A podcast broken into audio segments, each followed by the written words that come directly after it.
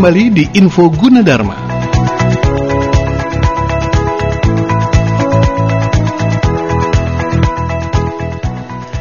Ya pemirsa dan juga pendengar Yuji Radio dan Mega Solar Network juga Anda pemirsa MGS TV dan juga Yuji TV kita masih bersama di Info Yuji untuk kali ini.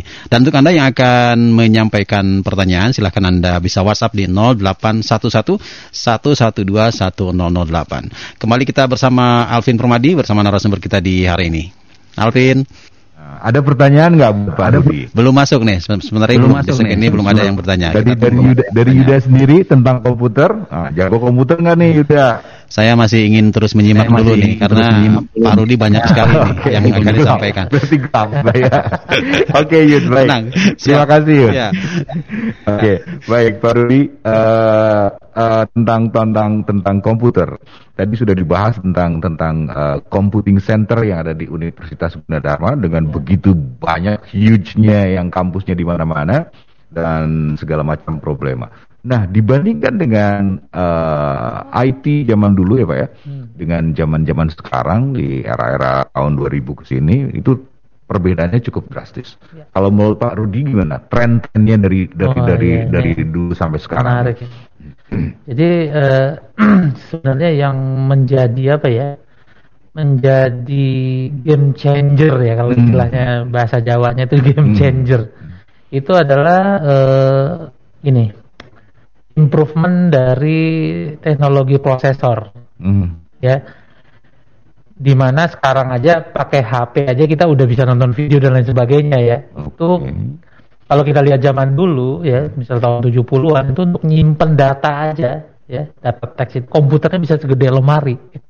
oh, iya iya iya. Nah, iya. Jadi dengan berkembangnya teknologi prosesor dan lain sebagainya ya, hmm. jadi kemampuan komputasi itu semakin semakin besar kapasitasnya hmm. dengan ukuran yang juga semakin kecil. kecil Jadi sekarang, iya. sekarang kita udah bisa lihat tuh mobil yang bisa jalan sendiri, ah, gitu ya. Ah, itu kan dimungkinkan dengan adanya ya itu tadi chip atau prosesor itu yang sebagai otaknya di mana kita membuat program di dalam prosesor itu. Nah, dengan berkembangnya itu tentunya eh, secara komputasi pun juga meningkat. Artinya ya orang mulai pasti Pak Alvin dengar ya artificial intelligence oh, gitu ya, iya. big data. Nah, itu mulai menjadi tahun 90-an itu masih kayak di awang-awang gitu ya.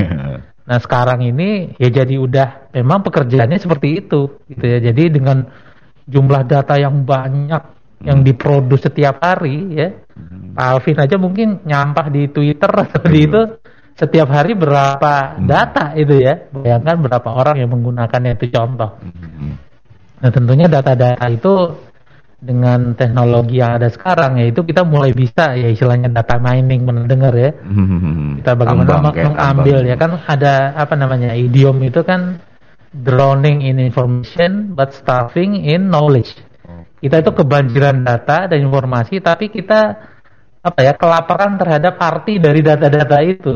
Hmm. gitu ya artinya kalau di komputernya Pak Alvin aja kan uh ini udah banyak banget nih datanya tapi Nah dengan teknologi machine learning, artificial intelligence, nah itu kita bisa me mengambil maknanya gitu ya dari data-data yang banyak tadi itu gitu hmm. sehingga ya ya ya seperti apa yang sudah mulai kita temukan sekarang ya mobil udah bisa jalan sendiri gitu ya kemudian ya banyak lah aplikasi-aplikasi yang paling gampang aja kalau Pak Alvin habis shopping di marketplace gitu kan tiba-tiba itu tiba-tiba iklannya udah mirip-mirip kayak tadi oh. yang bener nggak pernah yes. pernah ngerasain nggak yeah, yeah, yeah, habis yeah. shopping lihat-lihat jam misalnya tiba-tiba kalau kita buka situs berita tuh iklannya jam berhubungan dengan jam oh betul nggak Wah, nah itu salah satu implementasi dari big data dan itu tadi ya machine learning dan lain sebagainya. Jadi dengan uh, kapasitas komputasi yang semakin besar, Hmm. Kemudian kapasitas proses data, pemrosesan data, storage juga yang semakin besar. Jadi kita sudah bisa ngambil mining, artinya ngambil knowledge dari informasi. Oh. Contoh yang tadi berarti informasinya apa? Jejak dari Pak Alvin melakukan itu ya, apa browsing, browsing ke mana aja sih? Pak Alvin ini browsingnya ke mana aja? Hmm. Oh dia suka ngelihatnya ini aja gitu kan datanya kan banyak ya setiap klik itu hmm. itu disimpan tuh informasinya gitu ya oh. jadi sehingga oh ketahuan nih Pak Alvin ini sukanya ngelihat ini mungkin warna kesukaannya ini gitu ya sehingga hmm. ya salah satu contohnya tadi iklannya udah sesuai dengan kemauan dari Pak Alvin pernah kan ngerasain ya kita yeah. lihat ini tiba-tiba di kita ketik ke situs lain oh iklannya kok ini terus mm -hmm. jangankan itu sekarang di sosial media pun ya kayak di Instagram misalnya Aha. itu pun keluar kan betul yang mungkin nggak kita follow tapi ya sesuai dengan apa ya preference kita dalam browsing atau memakai marketplace dan lain sebagainya jadi itu salah satu contoh yang real itu ya artinya dengan meningkatnya komputasi tadi ya itu hal-hal yang seperti itu tuh sudah sangat sangat mungkin mm -hmm. jadi kayak Pak Alvin ini ya di internet ini profilnya udah kebaca sukanya apa dan lain sebagainya sehingga oh, itu bisa dimanfaatkan. Oh. Dimanfaatkan juga bisa pak? Ya tentunya ya. Di, mak maksudnya dimanfaatkan uh, negatif gitu enggak dong lah? Ya saya kira uh, mereka kan punya ini ya punya uh, apa namanya ya non disclosure agreement seperti itu ya harusnya oh. memang tidak boleh digunakan ah. untuk hal-hal yang tidak semestinya tetapi hmm. ya ya kembali lagi lah karena ada beberapa kasus juga kita lihat di Amerika yang menyalahgunakan itu tapi saya kira secara hukum ya kita sudah mulai harus uh, aware dan ini juga membuat edukasi user itu sangat penting sekali mm-hmm. Alvin jadi mm-hmm. kita tidak bisa me, apa ya uh, mengandalkan orang ada hukum kok yang me, melindungi saya gitu ya mm-hmm. nah kita sebagai pengguna teknologi ini itu user edukasi itu sangat penting gitu ya. Gimana kita uh, browsing di internet, etiketnya seperti apa, kemudian apa yang boleh kita lakukan, apa yang nggak boleh karena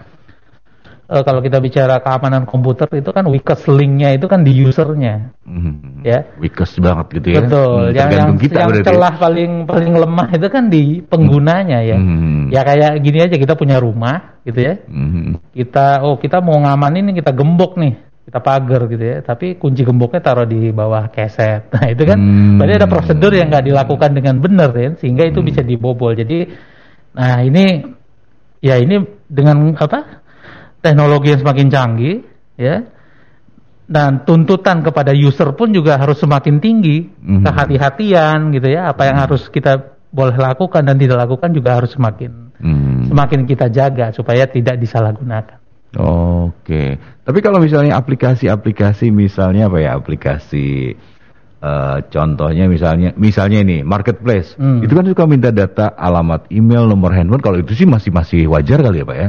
Iya, nah itu kita wajar nggak wajar ya?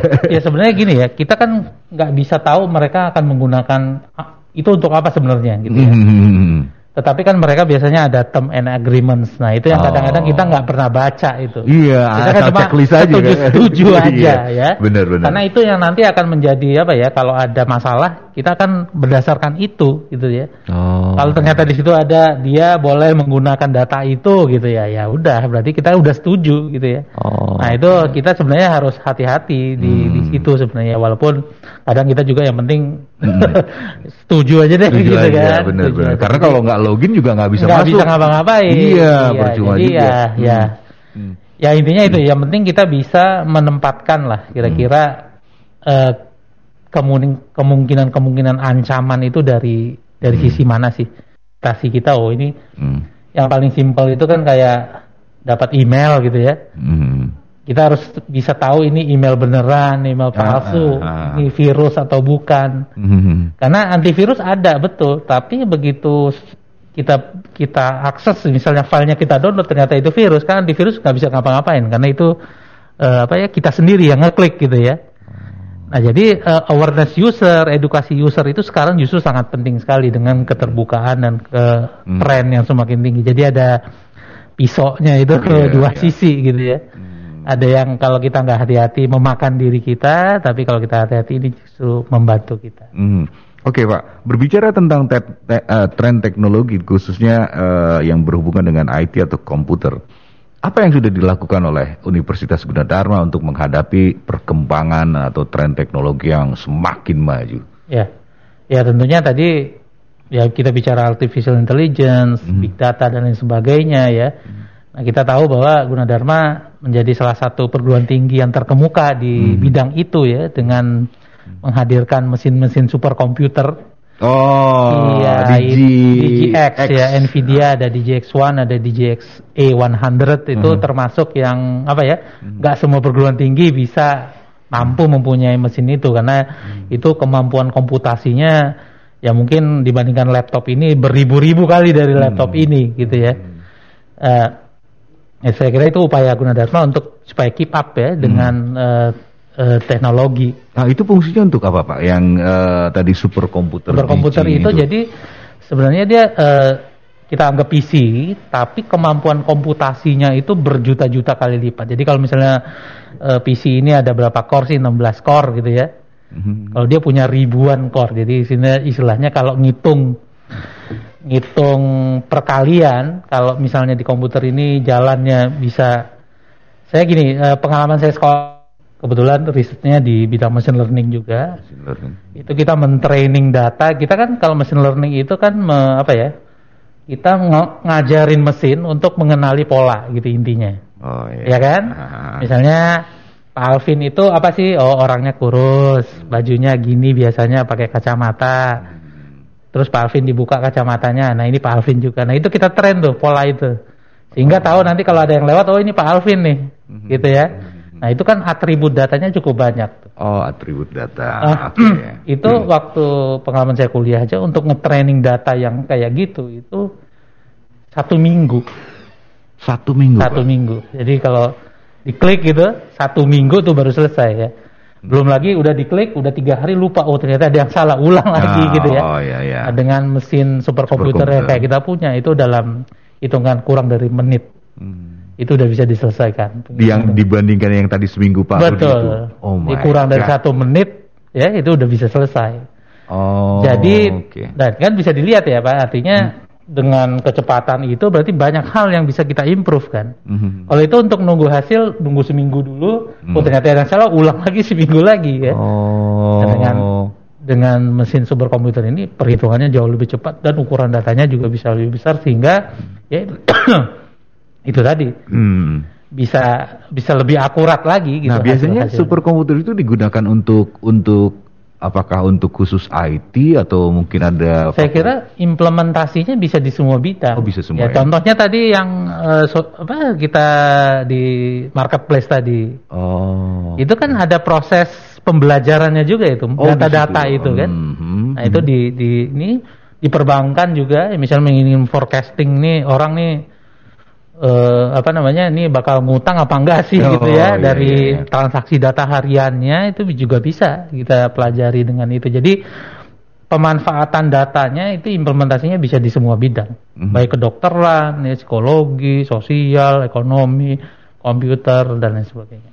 Termasuk kedokteran juga ya, juga tentunya. semua pokoknya semuanya semuanya bisa jadi kayak kedokteran itu kan bisa membantu dokter dalam mendiagnosa bisa hmm. misalnya nih uh, ada riset juga ya sedang lakukan misalnya pengen lihat Pak hmm. Alvin ini ke depannya kira-kira ada kecenderungan misal darah tinggi apa enggak gitu ya. Oh. Nah, nanti dilihat tuh dari data-data sebelumnya ya. Hmm. Dibandingkan dengan data-data seluruh orang Indonesia misalnya hmm. yang berda eh, yang kemungkinan bisa darah tinggi itu hmm. yang eh, tekanan darahnya waktu mudanya berapa sih gitu ya. Hmm. Kemudian dia ngerokok enggak dan lain sebagainya. Hmm dipelajari patternnya, nah itu nanti Pak Alvin bisa diketahui oh ini kemungkinan bisa darah tinggi nih nanti di umur sekian. Nah itu hal-hal seperti itu bisa bisa dilakukan. Oke, okay. itu yang namanya superkomputer. Tadi ada DGX, DGX betul. Sama yang DGX A100, A100. A100. Bedanya ya. apa tuh, Pak? Atau itu lebih lebih lebih advance lagi. Beda jumlah itunya lebih banyak lagi. Mm-hmm. Jumlah apa namanya? Jumlah otaknya lebih banyak lah. Ada berapa banyak, Pak, itu superkomputer? Nah, kalau nggak salah kita punya tiga ya. Tiga ya. ya Hmm, itu di itu kita ngebangun sendiri apa? Uh, itu merek uh, dari Nvidia sebenarnya. Oh, Nvidia. Nvidia. Jadi Nvidia itu memang me, mereka menyediakan ya jual mesin-mesin superkomputer. Nah itu yang kita.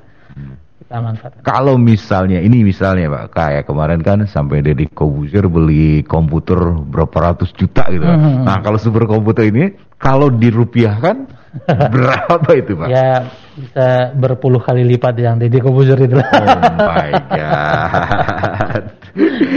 itu adalah salah satu tren yang dilakukan uh, perkembangan teknologi, tren teknologi yang yang sudah dilakukan oleh Universitas Gunadarma beradaptasi seperti itu ya Pak ya. Nah, ke depan apa lagi nih Pak yang akan terjadi?